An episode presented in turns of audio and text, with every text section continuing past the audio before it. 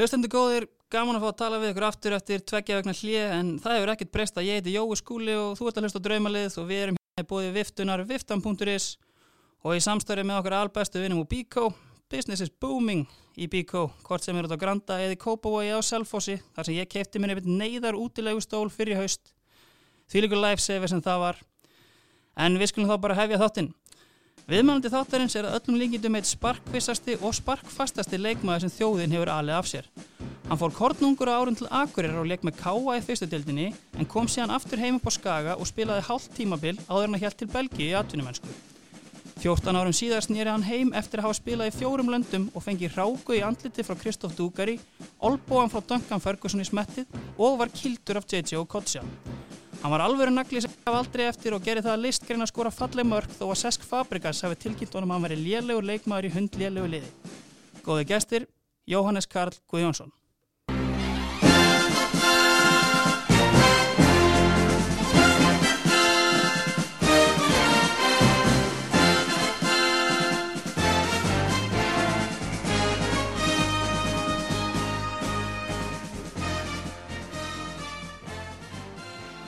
Blessaði Jói. Sælaflösar. Takk fyrir að koma. Já, takk bara fyrir hérna frábæra kynningu og hérna ég vil nú kannski skorað fullt af flottum mörgum, það er alveg rétt í það en ég veit ekki hvort að ég sé svona svakalega sparkus ég átti náttúrulega líka fullt af skotum sem fór ansi landi yfir markið sko þannig að en ég reyndi allavega fullt af skotum Já, emmitt, sem að hérna, en eins og ég kom að inn á, þetta voru kannski nokkur óvinnir sem skapaði þér hérna á, á ferlinum. Já, það er svo gaman að rifja þetta upp ég myndi nú ekki eða svona, jú, ég man þetta þegar þú segir þetta og, og þegar maður er að rifja þetta upp þá þá kannski svona þegar maður horfið tilbaka þá skilur maður þetta alveg. Ég held að ég geti nú alveg hafa verið þokkalega leiðilegur að spila móti. Ég hérna reyndi að spila mínu styrkleikum og, og hérna það var ofta tíðum að, að hérna að gera daginn og leikin kannski erfiðan fyrir anstæðingin og, og, menn þ- þoldu það kannski misvel. Nei, emmitt, og kannski verst þarna þegar Dúgari e, rækir í þig, eða? Já, það var, það var svolítið óþægileg tilfinning, tilfinning og hérna, maður vissi ekkert hvernig maður átti, átti hérna, að bregðast við því Emmitt. þannig að það var kannski svona mesta nýðulægingin svona, eða svona mesta vannvirðing sem einhver leikmaður hefur sínt mér en, en höggið sjálfsagt frá Duncan Ferguson það var svona, ég held að það svona verið það óþægilegasta sem, að, sem að maður hefur lent í Já, ég trúi því.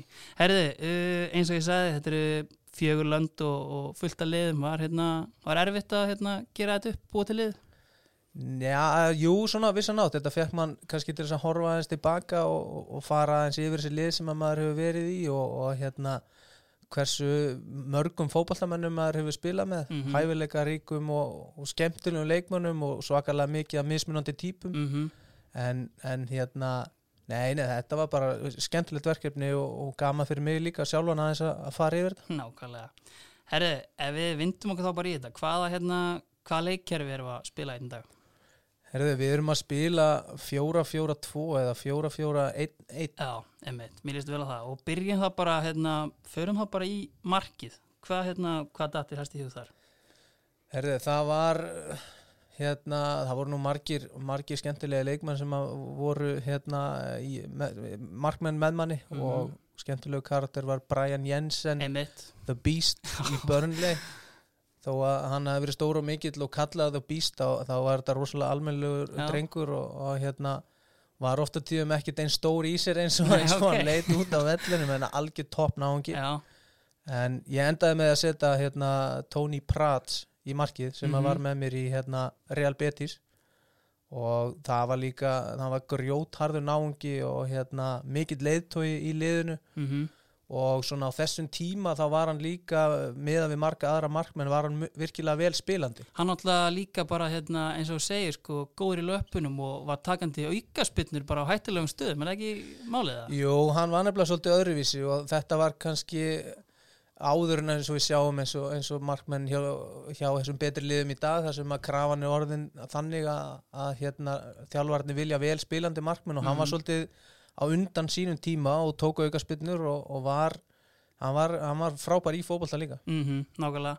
En ef við förum bara aðeins út í, ég menna, hérna, upphæða þínum atvinnaferli, þú ferð þarna til Belgíu, eftir hérna, ef við kannski köfum aðeins aftar bara, af hverju fórstu til Akureyrar 17 ára gammal Mér er alltaf liðið vel á Akureyri og, og sumrin fyrir norðan eru bara nokkuð skemmtilega og bjóstu fyrir norðan þegar pappiðin var að þjálfa hérna á nei, Akureyri nei, Nei. ég bjó aldrei nema þetta, Mhm. þetta eina sumar sem Já. ég var hérna fyrir norðan Mm. og hérna, alltaf tíðu gestur hérna þegar kannski, þegar pappi var að þjálfa en, Mhm. en hérna var ekki búsettur hérna nema, nema þetta sumar og, og það var náttúrulega bara virkilega skemmtilegt, mér langaði að prófa eitthvað nýtt ég bjóst ekki við því að fá tækifæri í íaliðinu mm á þessum tíðanpunkti og hvað að prófa að fara, fara norður Já, kannski svolítið, eða eina sem svolítið strækja mann er að þú ert í þriðja flokki á yngsta ári öðrum, kannski svolítið óþólum að fá það ekki færi. virkilega óþólum móður en þetta snýrist um það ekkit endilega kannski að fá hérna, að vera í byrjunarliði meistarlokk Mhm. heldur datt ég út úr leikmannahópnum í meistarlokki á þessum tíma og ég Mhm. vildi fá að æfa í meistarlokki Mhm. og það gæti ég gert með káa Einmitt. En einmitt þú fer síðan hérna, til geng, en kannski fær lítið að spila þar, en sem kannski kemur á óvart í rauninni að síðan ferðu bara reisastort hlutverk hérna hjá Maastricht í hollensku úrvalstildinni. Já, það var hérna nokkuð skemmtilegt að maður skildi fá, fá tækifæri til þess að fara beint frá geng yfir til, til Maastricht en Mhm. tíminn í geng var náttúrulega mjög skemmtilegur og við vorum hérna eða, tveir, bræði, tveir aðri bræði mínu, Bjarni og Dotti voru með mér hérna að hluta og, Mhm. og hérna þar komaður inn í gríðarlega sterkan æfingahóp og ég Mhm. skrifaði undir raun og veru samning um að fara inn í aðaliðið Mhm. og, og svo spilaði ég leiki með varaliðinu og átti ansi já bara ágætis leiki þar inn á milli með var, varaliðinu og Maastricht sá mig spila leik þar og, og hérna þeir vildu fá mig á lán og hérna það var frábært náttúrulega að komast komast að spila í, í hérna, þó að við höfum verið í botbartu þarna með Maastricht en þá fekk ég alveg gríðarlega dýrmæta reynslu og fekk Mhm. að spila helling Nákvæmlega. Ég sá helst kannski í geng að þar spilaður með pappan Stívok og Ríki. Já, Mike og Ríki, hann var, hann var hérna hægri vangbakurður og, og hérna ansu öflugur og, og þeir voru, voru þarna einhverju leikmenn sem voru konu með, með börn Já, og Divok og Ríki var einna, ég held að hann hefði verið fjara, fimm, Já. sex ára eitthvað á þessum árum og hérna það er gaman að fylgjast með honum í dag kveiktir strax á því einmitt þegar þú heyrðir um og Ríki. Heyrði, þetta lítur að vera svona vars mæk hérna. Já, ég var eiginlega svona, svona nokkuð viss um það og ringdi svo í, í, í Dotta elsta bróðum minn bara til þess að fá þetta staðfest og, og það var rétt Já, einmitt. En ég meina síðan ferðu frá Maastricht til Valvík og ég meina þar áttu bara hérna, frábæran tíma sem í rauninni verður síðan að því að Betis kaupir þig. Já, hlutinni voru náttúrulega svona eiginlega ótrúlega fljótir að gerast bara eins og, eins og fótboltin er. Það geta verið fljótir að, hérna að, að þú getur verið fljótur að ná þínu markmiðum og frá því að vera ekkert að spila í geng taka hálft ár í Maastricht eitt ár líku við í, í hérna Valveig að vera komið svo þaðan í hérna La Liga. Það var náttúrulega ótrúlegt ævintýri og hérna ég var alltaf alltaf tilbúin að taka næstu áskorun. Þó Mhm. svo að kannski ef maður horfið tilbaka þá var maður á köflum oft bara ungur og vitlis Já, nákvæmlega. Martin Jóla þjálfaði í Valvík, berðunum vel söguna eða? Já, algjörlega þvílíkur, hérna, þvílíkur meistari og hann í raun og veru mótaði mig sem leikmann ég er kiftur út til geng sem framherri Einmitt. og hérna bara var að reyna fyrir mér þar sem framherri og færist svo í svo kallar tíu hlutverk Mm þar og er svo keiftur eiginlega sem tíja í Maastricht en Mhm. spilaði mest bara sem svona box í box Mhm. miðjumaður meira þar mm. en Martin Jól breyti mér svona í djúpan miðjumann varna sinna miðjumann sem að þar var- fann ég mig mjög vel í því hlutverki Algjör topp maður. Já, hann er frábær, hérna var að gera alveg frábærlega hluti með þetta lið Mhm. en hann var svona aðalega í því að, kaupa leikmenn og, og móta þá og selja þá áfram því að, Já. því að hérna Valveik er bara pínu lítið klúpur hérna í Hollandi og þetta gekk svolítið út á þetta og það var, það var svona businessin sem að þeir voru í á þessum tíma og, og maður fekk dýrmæta reynslu þarna og eins var hann Marcel Brands var þarna Mhm. hérna yfirmaður knaspindumála sem fór svo uh, til PSV og Mhm. er núna hjá, hjá Everton og hann Mhm. var líka hluti af því og skipti máli að það var hann sem, að, sem að kifti mér raun og veru líka ásand. Martin Jól en þetta voru, þetta voru skemmtilegi tímar. Einmitt. Herðu, færum okkur þá bara hérna upp í vörnina og byrjum kannski bara á hægri bakverðinum. Herðu, ég ákvað að setja Dennis Örvin í hægri bakurinn. Já. og hérna, ég veit að hann spilaði náttúrulega líka ansi mikið vinstra með Mm en það er ástæða fyrir því að hann er hægra með við komum kannski að því setna, Já, setna á eftir. Já.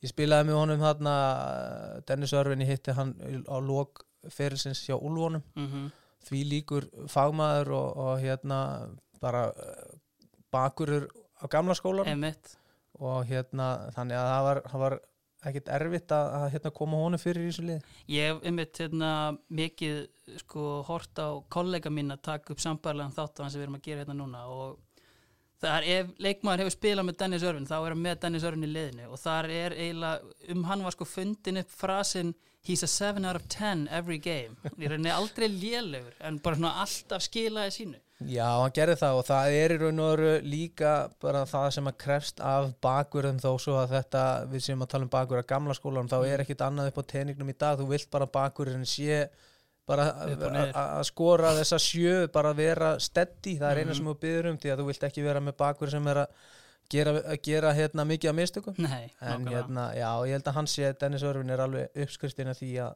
hann skilaði sko alltaf sín uppskiptina því að hann skilaði sínu eins og ég sagði á hann þá erum við í samstarfi við Bíkó, Dennis Örvin er sigurselasti le írski leikmaður allra tíma ásand Rói Kín og þetta er bara maður sem mætti í vinnuna no nonsense og hann er yðnaðamaður liðsins hjá Jóa Kalla í bóði Bíkó sem þó var erfitt að velja.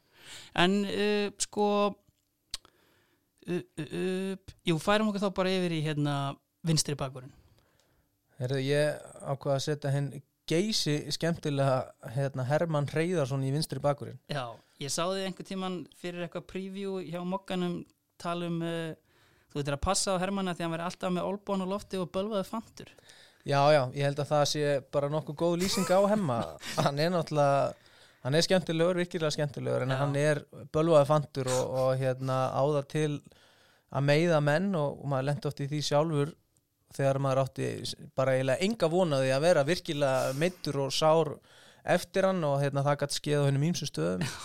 En það sem að fekk hann til að komast í þetta lið var náttúrulega líka það að hann var hann var ótrúlega öflugur leikmaður inn á vellinum og var alltaf tilbúin að fórna sér í alveg sama hvað það var og, og virkilega flottur liðsmaður. Það er það sem að hérna, Herman komst náttúrulega líka langt á.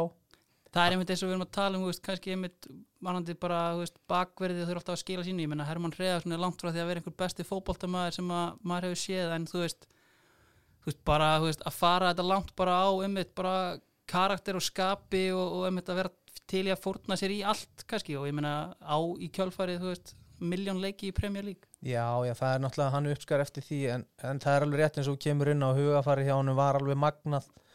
Uh, hæfileikarnir, hæfileikarnir er ekkit alltaf svona eins miklir og hann hefði vilja hafa það stundu þegar hann var að taka rispunar upp völlin en, en hérna hugafariði fleitt honum áfram. En þetta var náttúrulega líka þannig maður að, að það var alveg sama hver anstæðingurinn var. Hann hrættist ekki neitt og hafði mikla trú á sjálfum sér og, og, hérna, og því síni ég gríðarlega mikla virðingu. Mm Ef við förum kannski bara aðeins hérna, spilaði með hemma í landsliðinu. Ég meina þú átt uh, 34 leiki með landsliðinu, 8 sigur leikir þetta er kannski ekki mest að blóma skeið í sögu landsliðsins og þú veist náttúrulega kannski bálfa brasa á þér hérna í landsliðinu en þú veist, hv- hvernig svona lítur þið tilbaka á svona þinn landsliðsferil einhver svona tókstreita með eitthvað eða Nei, raun og ekki. Eina sem að, sem að sko, ég get bara sagt um minn landslýsferil er að ég er svakalega stoltur að að hafa þá að fengið að spila þess, þetta marga leiki því að það er alls ekki, alls ekki sjálfsagðar hlutur. Uh, ég fekk að spila með fullt af, af hérna, öflugum leikmönnum þó svo að, að úslitin hafi ekki alltaf verið að nást og menn geta náttúrulega alveg deilt um það af hverju það var. mm Uh, en það er líka ákveðni hluti sem ég sé eftir í, á mínu landslýsferli og, og að hafa hætt og hafa ekki gefið kost á mér mun ég alltaf sjá eftir. Því, að, því að hérna það er eitthvað sem ég myndi ekki ráðleikja neinum ungu leikmann að gera alveg sama hversu erfir stöðu þú ert í eða hvað þú hérna ef að ég fengi uh, að breyta ykkur á ferlinu þá myndi ég hérna snúa þeirri ákvörðun að hafa ekki gefið kost á mér í landslið og það voru, voru mistök. Mm En ef við mitt svona kannski, veist, tökum kannski aðeins bara upp hanskan fyrir því að því leiti að, þú veist, ert að spila þarna til dæmis með Leicester í Championship-dildinni og ég get kannski ekki ímynda mér að það hefði endilega verið sko margir aðrir í Championship-dildinni sem er að fara í þessi landsliðsverkefni og þú veist kannski kannski missir í kjölfarið bara af kannski ákveðnum tíma í æfingavikum og annað sem að eru ætlaðir til að gera eitthvað ákveð hjá félagsliðinu. Það, var það kannski raunin á einhverjum tímapunkti eða? Já, já, þetta er náttúrulega alveg hár rétt hjá þér og ég lendi bæði í þessu hjá Lester og hjá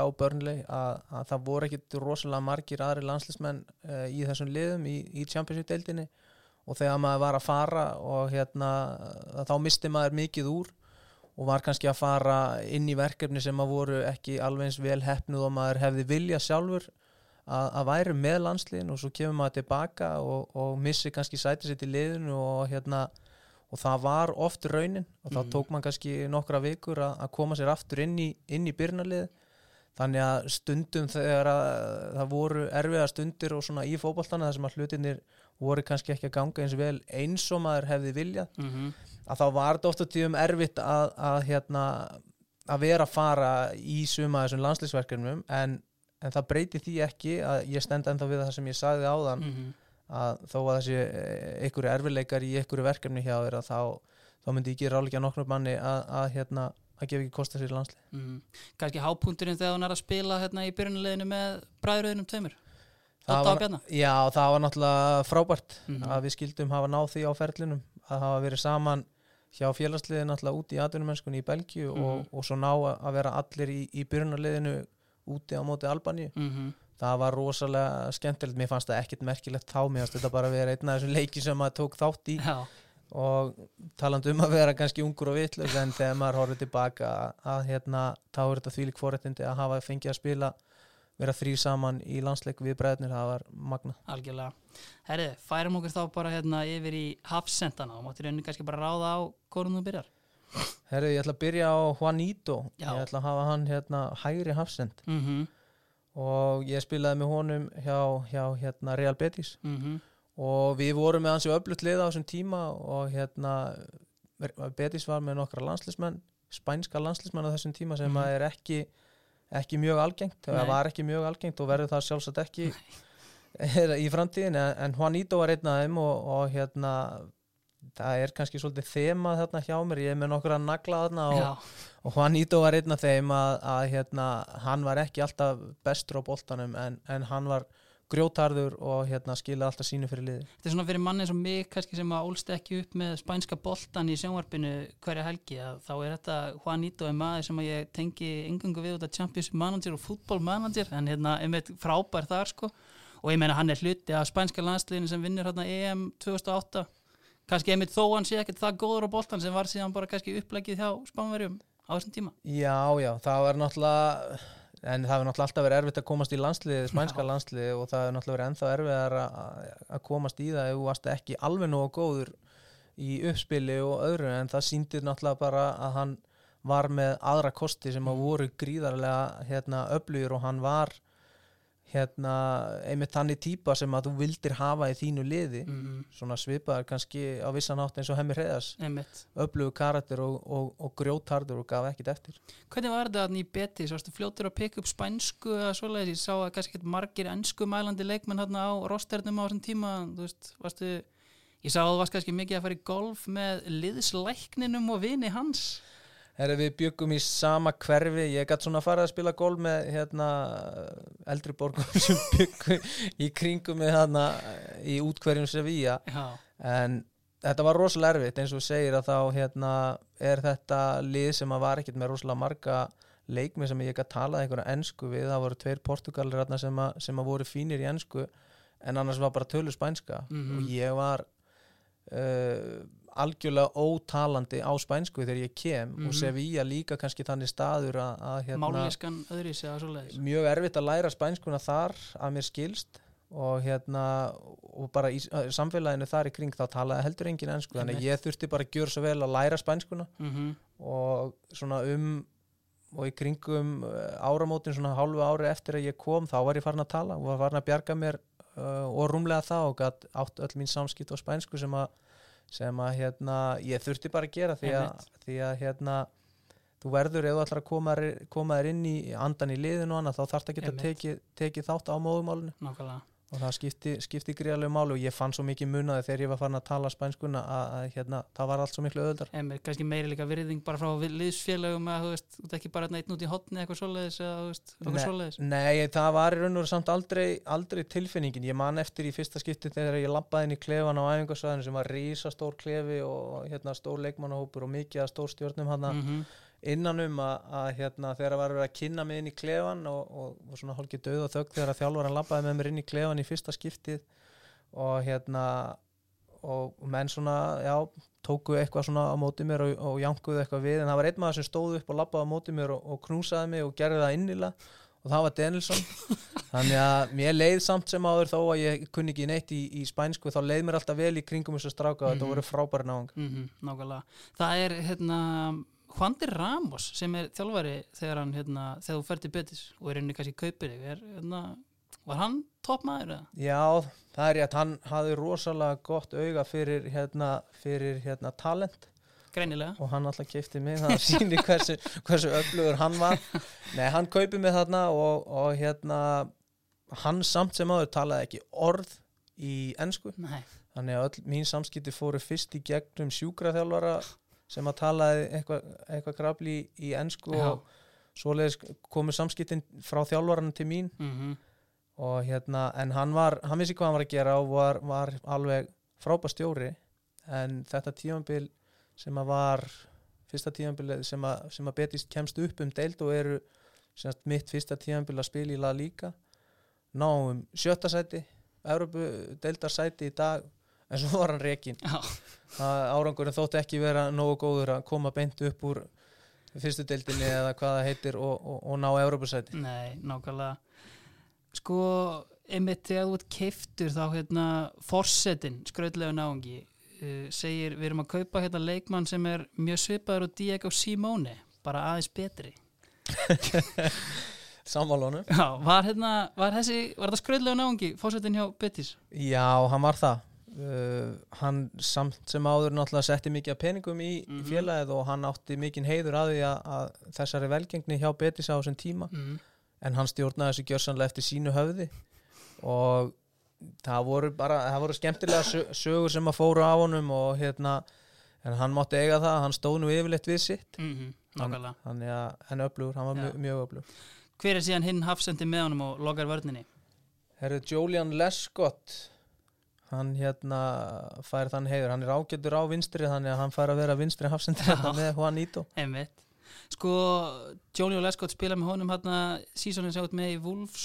Uh, hann er þá bara 21, 22 eitthvað leðis var þetta strax alveg, veist ljóst að þarna færi bara hérna Premier League winning hafsend í fyrir 25 miljonur punda til Master City? Eh, maður var kannski ekki alveg, alveg svona vist á, ég er svona pínu setan hann inn líka bara út af því hann, hann lofaði virkilega góð en hann var Mhm. mikið meittur á þessum tíma Já, og, en maður sá alveg hvað bjó í honum og maður vissi að hann myndi ekki stoppa lengi hjá úlfunum Mhm. en maður vissi kannski ekki alveg að hann myndi ná svona langt eins og hann gerði einmitt. en átti, átti náttúrulega frábæran fyrir Já, nákvæmlega, var hann mikill stemmingsmaður eða? Já, þeir voru, það var þarna ágættis og hópur af, af hérna, ennskun leikmönnum í, í liðinu hjá Úlfonum og hérna, og þó að gengi hafi kannski ekki verið sem best þá var alltaf glatt á hjalla það var alltaf rosalega gaman á æfingum og, og hérna, við vorum, það var svona hálf tvískiptu klefi hjá okkur á þessum tíma og, og hérna, það splittaðist svolítið upp, mm einhver hluta vegna að hérna, þá, þá voru, var ég svona í hlutanum sem að voru svona aðeins róleri leikmenn í klefanum en þegar maður astnaðist kannski yfir til þeirra og svona að þá fekk maður ofta að heyra það og, og hérna rúmlega það og kannski aðalega fyrir, fyrir klæðaburð og annað en, en hérna maður gæti ekki látið það á sig fá en þetta Nei. voru virkilega skemmtilegir, skemmtilegir strákar þetta margir hver. Nei, nákvæmlega Herðu, færum okkur þá bara hérna upp á miðjuna, byrjum það kannski bara á já, á bara miðri miðjunni Uh, hérna leiðtóðin í þessu liði hann þarf að vera inn á Já. og það er Pólins, ég ætla að hafa hann sem hérna svona hálfgert akkeri á, á miðinu Ég get gefið mér kannski að Paul Inns hafi verið í sprelligós að hluta klefans hérna í Wolves eða hvað? Nei, hann var það nú kannski ekki eins mikið. Hann var náttúrulega orðin með eldri leikmúnunum hann í hópnum og, og hérna hann var kannski ekki alveg í því hlutverki en, en hérna það var alltaf alltaf gaman í kringum hann, það var ekki það en, en hérna, hann sá svona til þess líka bara inn á æfingum hann að standardinn var hár og það komst engin upp með neitt múður þú þurftir alltaf að leggja þig fram. En hann mátti samt alveg eiga það að, að hérna, þó að þú gerði mistök og annað að hann hafði engar ágjörð því ef að, ef að hugafari var bara í lægi og, og hérna og ég verð svona að viðkjöna það að það, mér fannst það ansi flott hjá honum. Þó Mhm. svo að ég hef verið kannski þetta var svona minn helsti keppinautur um stöðu í liðinu einmitt. að þá bar maður náttúrulega svakalega mikla virðingu fyrir þessu manni og hérna og hann vissi alveg hvernig átt að spila lengi Já, og ég mynd eins og segir sko, veist, var hann svingrófur í að láta menn heyra það bara hérna, veist, já, fucking bollocks og annars já, slíkt, já, hann, hann, hann, hann, hérna, hann let ímislegt hérna, falla um menn en það var eins og ég sagði á hann, það var aðalega út af því ef að honum fannst menn vera hrættir, þorði ekki tæklingar Mhm. eða nefnt ekki að leggja sér fram mikill sigurveri og hann vildi vinna gjörsanlega allt sem hann tók þátt í alveg sama hvað það var inn á öllum æfingum mikill sigurveri og, og hérna ef hann hafði þá tilfinninguna menn væri ekki alveg inn á sömu línu og hann að, þá fengur að heyra það og rúmlega það. Sáum við þetta viðtal við þig að þú talaðir um sko, held reynlega þegar börnlega er að fara upp í úrastöldina það sem þú segir sko í rauninni að fyrir miðjumann þá er kannski auðveldar að spila í League heldur en Championship. Er það þín pæling ennþá í dag eða?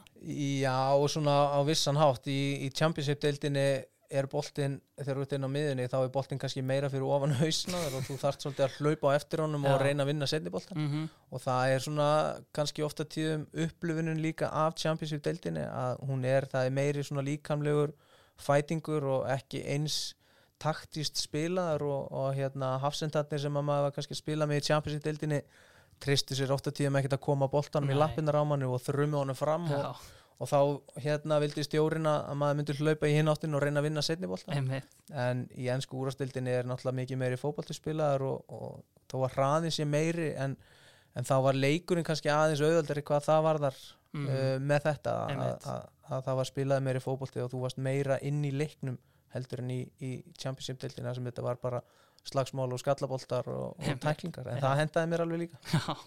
Herru, hver er með Pólins á miðinni? Herði, ég valdi Kabi sem að spilaði með mér í Real Betis. Hann var svona meiri svona framleikjandi miðumæður, Mhm. teknískur og góður og, og hérna á, á sama, þú veist það er svolítið svona þema í þessu liði hjá mér kannski að hérna vali svolítið menn sem að sem að hérna allavega í þessum stöðum inn á miðun og svo í varnalínu sem að, sem að gerðu mikið fyrir liðið og, og hann var svona lúksusleikmaður en Mhm. samt sem áður þá laði hann sig alltaf fram og, og hljóp hvað manna mest alltaf alltaf í liðinu en, en var líka stór hættulegur og, og virkilega skapandi og skemmtilegur leikmaður Svona, veist, kannski svona mjög nálætt í bara að vera algjör góðsögn í Andalúsíu, sko þegar hann leggur skón, eða hættir í Betis ég meina það er bara 55.000 mann sem standa upp og hérna, öskra og klappa og hann kissir völlin og Já, algjörlega og hann var það þarna líka á þessum tíma að stuðnismenni gjörsanlega elskuðan Mhm. og, og hérna og hann eins og ég kom inn á áðan fleiri, hann og fleiri í þessum leikmannahóp voru algjöri gæða menn og, og Mhm. þó svo að þeir var að standa sig vel í fótboltanum að þá var ekkert aldrei neitt vesin á þeim og, og hérna og hugafarið var upp á tíu. Mm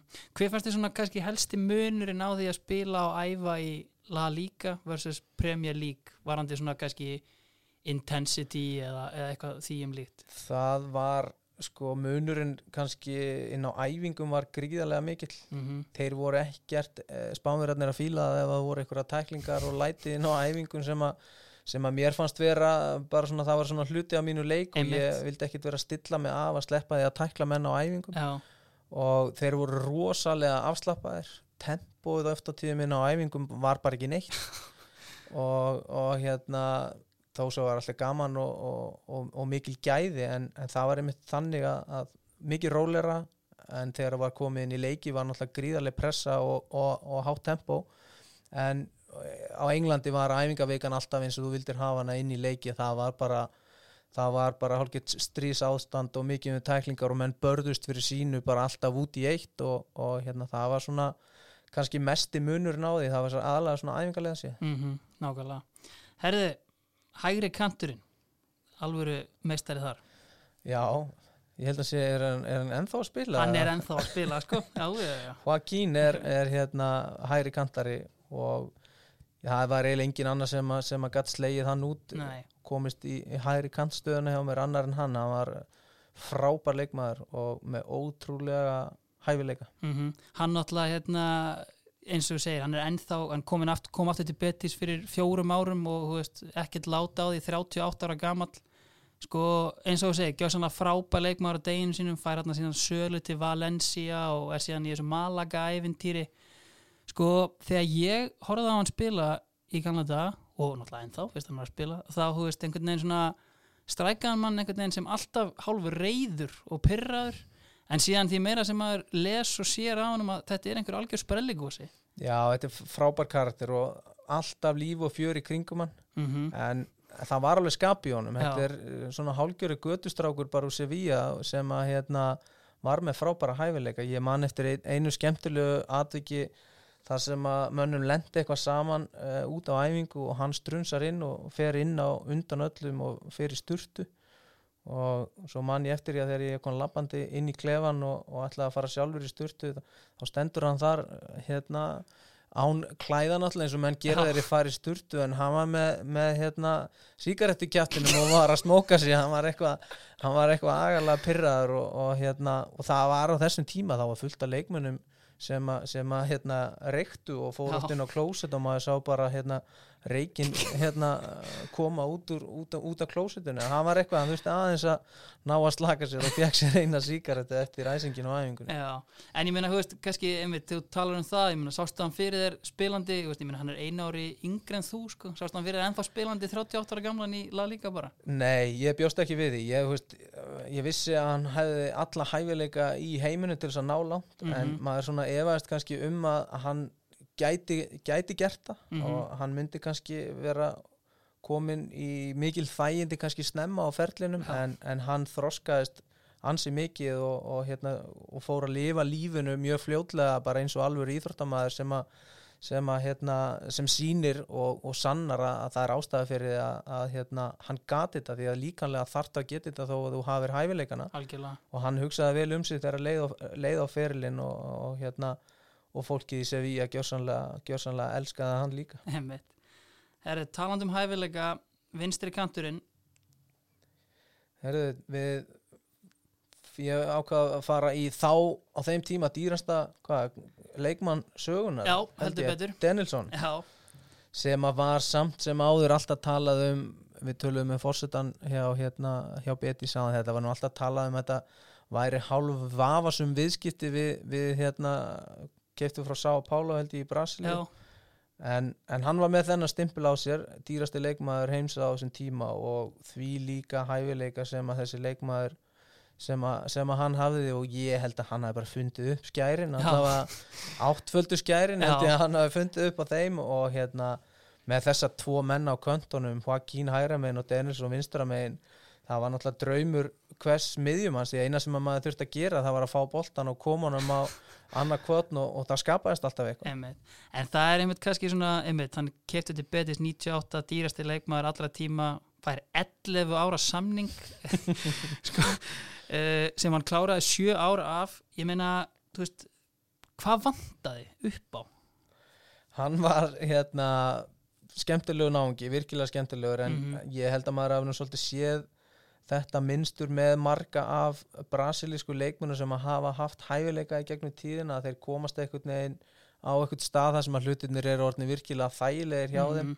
og hérna ég man eftir ég hann var orðað við hvert stórlið og fætur öðru hérna nokkur ár, ár eftir ár Mm. og en það varði einhvern veginn ekkit úr því ég, hann hafði mjög gaman að næturlífunu og hérna og fannst alveg gaman að skemmta sér. Já, en það var samt aldrei neitt vesinn á honum á æfingu með eitthvað svoleiðis Mhm. en svo reyndar verður mann að gefa honum kannski afslátt á því hann var oft á tíum í tómu basli með hnén á sér. Já, hann var mikið meittur og hérna og það svona skemmti sjálfsagt líka eitthvað fyrir hann mm En ég meina eins og segir, ljúur og góði drengur, ég sá hann sko, hann fóti reynslu hjá Bolton, Gary Megson var ekki alveg að fara að sæna hann en sagði hins vegar sko að ef hann vantar meðmæli upp á karakterinn hans þá skal ég skrifa upp á það tíu sinnum að þetta er einhver ljúfasti maður sem ég komist í kynni við. Og kannski þú upplifir það þegar hann mætir hérna og knúsar þig hérna þegar mætir í klefan Já, algjört hjarta uh, gullur, nei, hjarta úr fyrirgefðu, og hérna og, og það var alveg, það sást alveg. Hann var elskaður og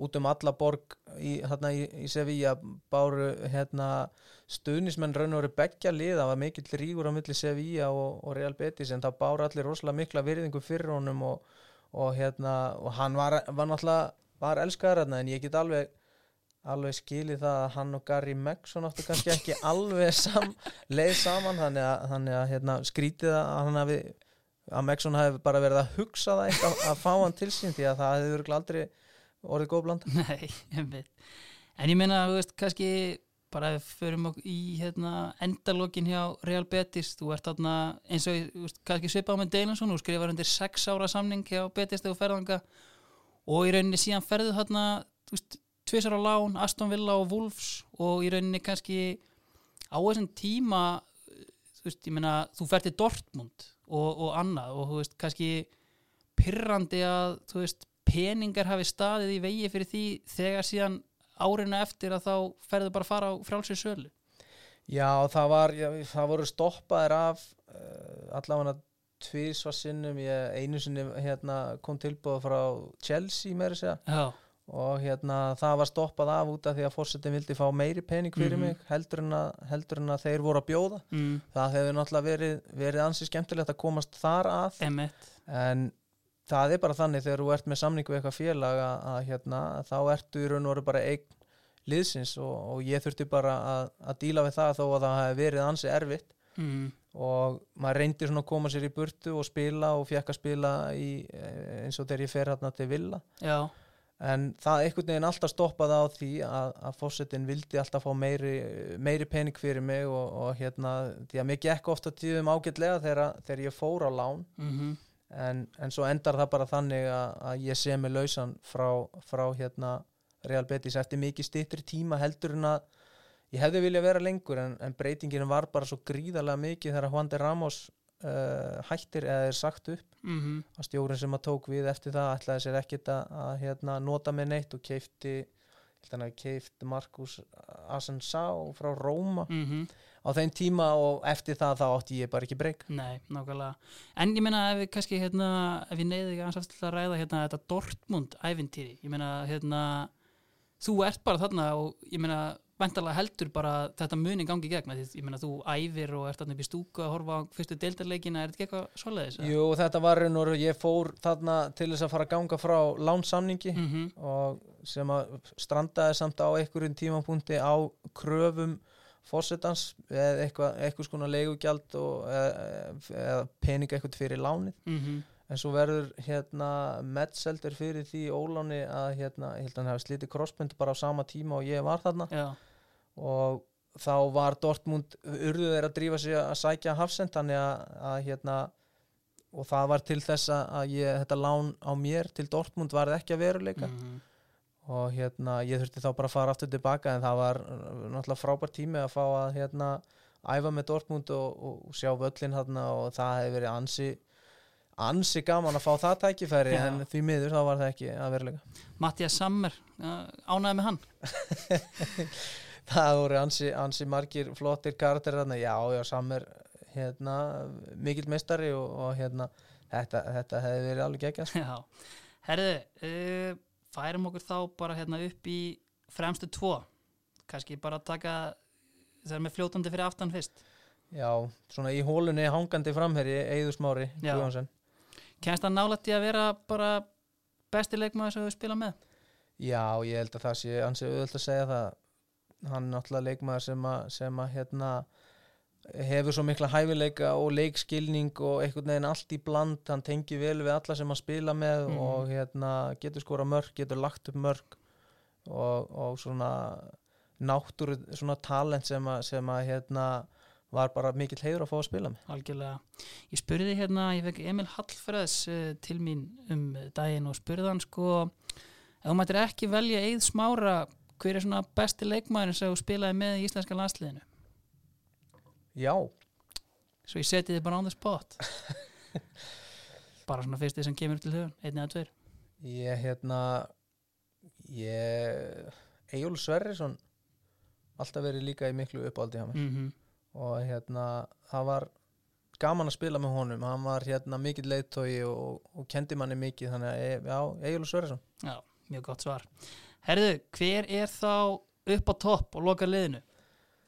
Ég ákvaða að vera með öflugan hérna skallamann því við erum með svo frábæra hérna kantara og, og velspilandi bakverðir sem koma mikið í ólip þannig að það verður rosalega mikið að krossum inn í, inn í Já. þannig að ég ákvaða að velja Díon Döblin láta hann leiða línun Er það ekki algjör kongur?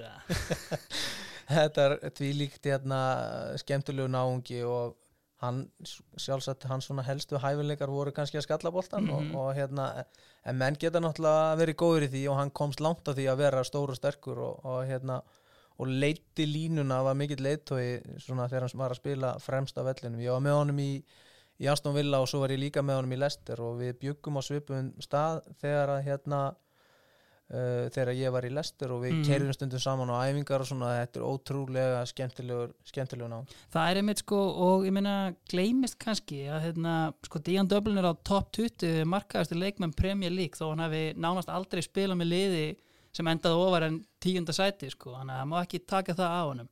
Sko, topp maður eins og við segjum uh, kannast eitthvað við The Dube sem er hljóðfæri sem hann bjóð til, var hann mikill músikant þarna á tímum sínum þegar þú varst með honum eða? ég man það nú ekki en, en hérna þegar við kerðum saman þá, þá, hann kynnti mig fyrir alls konar tónlist þegar við vorum að, keira saman hérna, nokkur sinnum á æfingar og það var alltaf, alltaf hérna, stuð í bílnum hjá hann Já, en, en hérna, nei ég þekki nú kannski ekki alveg þá hliða hann nú vel það er einmitt bara svo ég segi hlustundum aðeins frá því að hann ásess að enga leifi fyrir uh, hálgerða trommu sem hann bjóð til og er uh, því miður ekki gildi hér á landi en er með það skráði í Európusambandinu og, og hefur makað krókin vel á því. En ég við, það er skemmtilegt að heyra það. En hérna, þú veist, ef við ræðum kannski aðeins meira en að tíma en hérna í Aston Villa sem er kannski í rauninni þegar kannski svona The Naked Eye rennur yfir fyrirliðin svona ákveðin kannski hápunktur að vera svona bara starter í hérna og bara veist, spila alla leiki fyrir lið í, veist, á þessari stærðagráði Premier League, veist, hvernig var stemmingin í Aston Villa? Gaman að vera þar? Já, það var rosalega gaman, það var góð blanda ég er enda ekki held ég geti nú hverki kvartað yfir einhverjum leiðilegum uh, ef ég, ég horfði tilbaka, það var aldrei neitt leiðilegu leikmannahópur í kringum en þeir Nei. voru, þetta var skemmtilegur skemmtileg blanda af hérna, það voru Suður Ameríkumenn það voru menn á Skandinavíinu og englendingar og, og hérna frábær hópur. Og þetta var mjög skemmtilegt og maður skildi hafa komið þarna inn og verið treyst í bara hent beint í byrjunlið Mm og hérna og spilaði náttúrulega flest alla leiki sem að, hérna, ég var þarna á þessum tíma þegar ég var á láni. -hmm. og stjórin hann hérna hann treysti mig vel fyrir þessu hlutverki hérna Graham Taylor. Mm og þar fekk maður að kynnast gamla skólanum Já. bara eins og hann gerist bestur.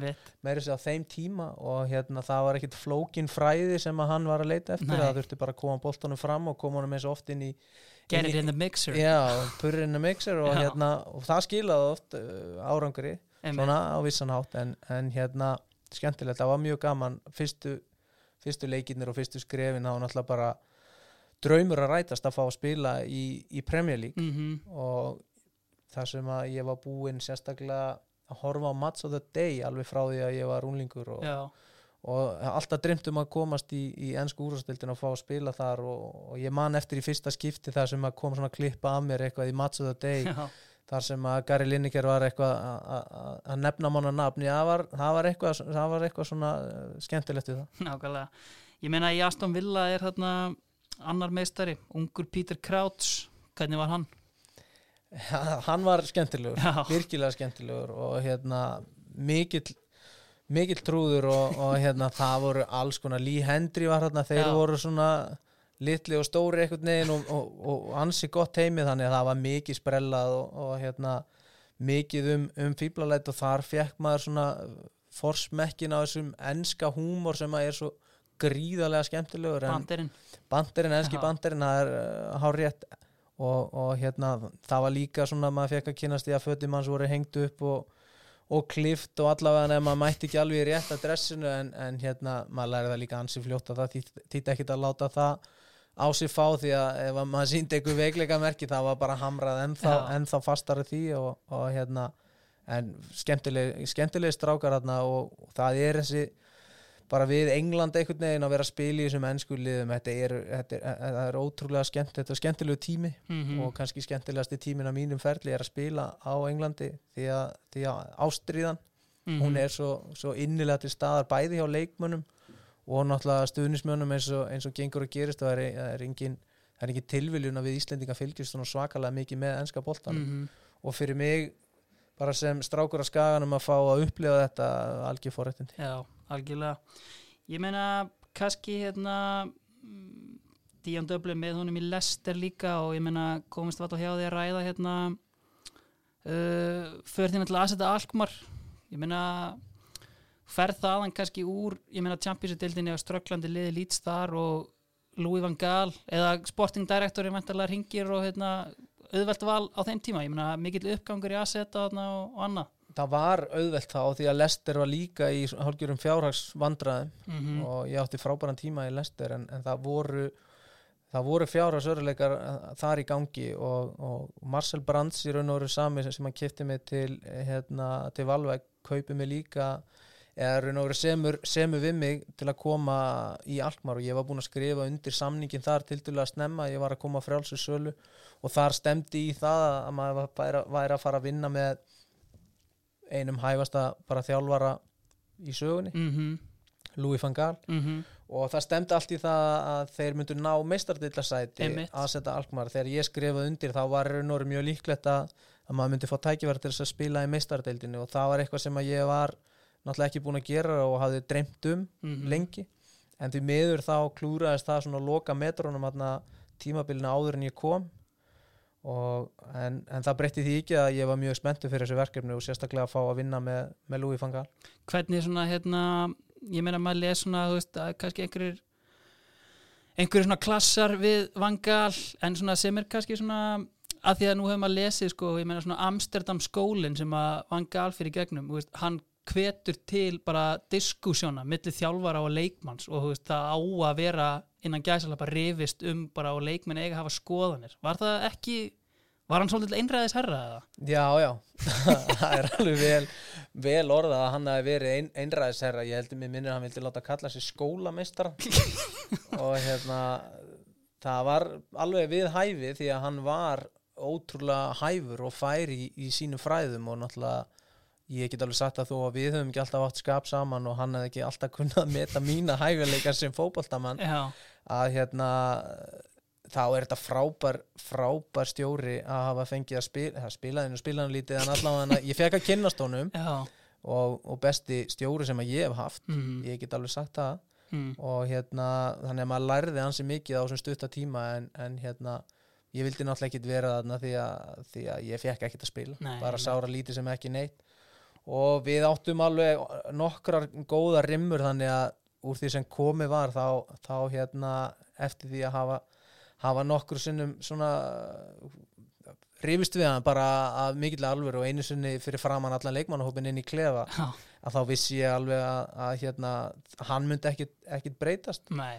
En það var eina sem að, sem að ég sá í honum sem að hérna, leið og við vorum búinir að taka þessa ákvörun að ég myndi fara að finna með nýtt lið þá allt í hennu var hann bara toppmaður og, og hérna, sem að síni það alveg að, að menn geta í sem heimi átt, átt hérna, haft mismunandi skoðunir á hlutunum en, en hérna, hann var samt sem aða líka bara mannlegur en hann var náttúrulega bara að vinna sína vinnu og, og hérna, hann hafði ekki trú á mér. Mhm. þannig að þú veist, þá er alveg skott að slíta því samstarf nákvæmlega. Eitt kannski leikmaður sem að hérna, spennandi að ræða hérna í Asset Alkmaar spilaði með ungum Musa Dembele sem að var síðan mér bara einn besti meðjumæður ennsku deildarinnar var hann ekki framherji á þessum tíma eða? Jú, hann var það.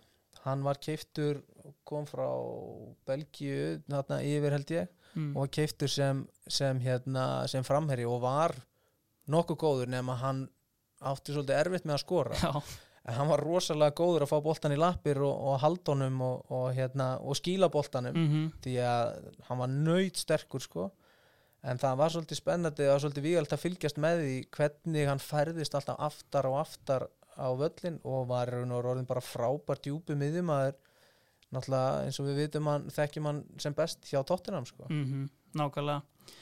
Þá er liði komið að við rennum bara örstnögt yfir það. Það er Tony Prats í markinu Hemmi Reyes í vinstri bakverði Hafsendar Jolion Lescott og Juanito Dennis Örvin, yðnamaður leysins í hægri bakverði Íbóði Bíkó vinstri kantur Danielsson og á miðinni Kapi og Paul Inns Joaquín á hægri kantinum Eður Smári í tíunni og The Dube Dion Dublin upp á topp þetta er ekki óórennilegt en ég menna ef þú ættir að velja þjálfara leysins hver væri það? það yrði fangal, ég myndi velja hann til þess að stýra þessu liði, það er bara þannig. Held þetta væri hópur sem að gæti bara á mannskapur sem myndi hentunum vel líka. að stýra sko. Já, herri, ég tók hérna saman kannski, eða líka kannski bara, ég meina kannski þegar þú lítur tilbaka var einhver svona leikmaður sem þú hérna mættir og hugsaði bara, wow, ég hef ekki sjens eða kannski einhver ákveð- ákveðin leikur Nei, ég hugsaði þetta aldrei. Þetta, það, ég hugsaði þetta aldrei. Ég hafði alltaf trúið að ég geti valtaði einhvern einasta leikmann sem, að- sem að ég myndi fara í návi við en, en það sem ég náði kannski ekki Já. alveg hérna, því ætlunarverki var kannski Patrik Vieira. Já, að hérna, þó hann hafi verið sko þremur hausum stærri en ég þegar ég var að lappa við hliðinu á hann minna völlin að þá var ekkert sem að, sem að fekk mig til þess að trúa því að ég get ekki jarðað hann inn á miðunni já, en það var aðeins erfiðar heldur en ég held nákvæmlega. Herði, uh, já spilaði með Andy Cole í Burnley, hann kom hann inn góð vitaminsbreyta hérna þegar fóruð upp eða ekki, eða ég, var ára á undan? Það var árið á undan. Já, hann kom hann í restina á einu tímanbili og, og það var skemmtilegu karti líka og hann kunni, kunni að skora mörk og, og þefaði þau alveg uppi. Það var svona, það var svona mesti glansinn var samt farin af honum en, en það var gaman, hann bjó alltaf í mannster og, og Mm. ferðaðist alltaf á milli og hann var með engabílstjóra þessum tíma og ég gleymi aldrei þegar að, hérna, eftir eina æfingunar hann lappa út í átt af bílnum sína og var með eitthvað svona stóran hérna, van sem Já. að bílstjórn var að skutla honum alltaf á milli mhm þar voru engin sæti aftur, ég heldur bara dýna og kotti og bara hálfgjörn rúm þannig að hann fór bara alltaf hendi sér alltaf inn í, aftur í bílinn og, og svaf alltaf á, á leiðin á æfingar og hafði það bara hugulegt aftur í sko Því líka mistari. Herði, og annar leikmaður, hérna, persónulegu vinur minn uh, á Facebook og Instagram, Erik Djemba Djemba, hann mætti til, hérna, mætti til Burnley, hérna, líka. Hvernig, hérna, ég kann mjög vel við hann, hann, hérna, hann tók vel á móti mér því aðdæðanum á Facebook og, hérna, en, hérna, er hann jafn lélegur og er talað um hann, eða? Mm, Já, eiginlega, þú veist, mín kynni af honum voru, voru þau að, að hérna, hann var bara ekkert sérstakur en, en það var líka held ég máli með hann að hann lét allt trubla sig, veist, hann lífið sem hann lifiði var bara í einhverju tómurugli og, og það bara skila sér alltaf, ég veist, hann hafði alveg hæfileika og hefði alveg geta gert mikið betur heldur en hann gerði en, Mhm. en hérna hann var ekki með, með hausin í lægi og, og, og það trublaði hann alltaf en, en þegar að var mætt í klefan og, og svona þá var þetta eitt skemmtilegasti og vígalegasti leikmaður sem að maður komist í kynni við frábær, frábær náðungi Já, herði, ég held við endum af því, Erik Djemba Djemba, frábær náungi, bara Jóhannes, þakka kella fyrir að koma. Takk bara fyrir að hafa mig og, og bjóða mér þáttinn, takk fyrir Takk.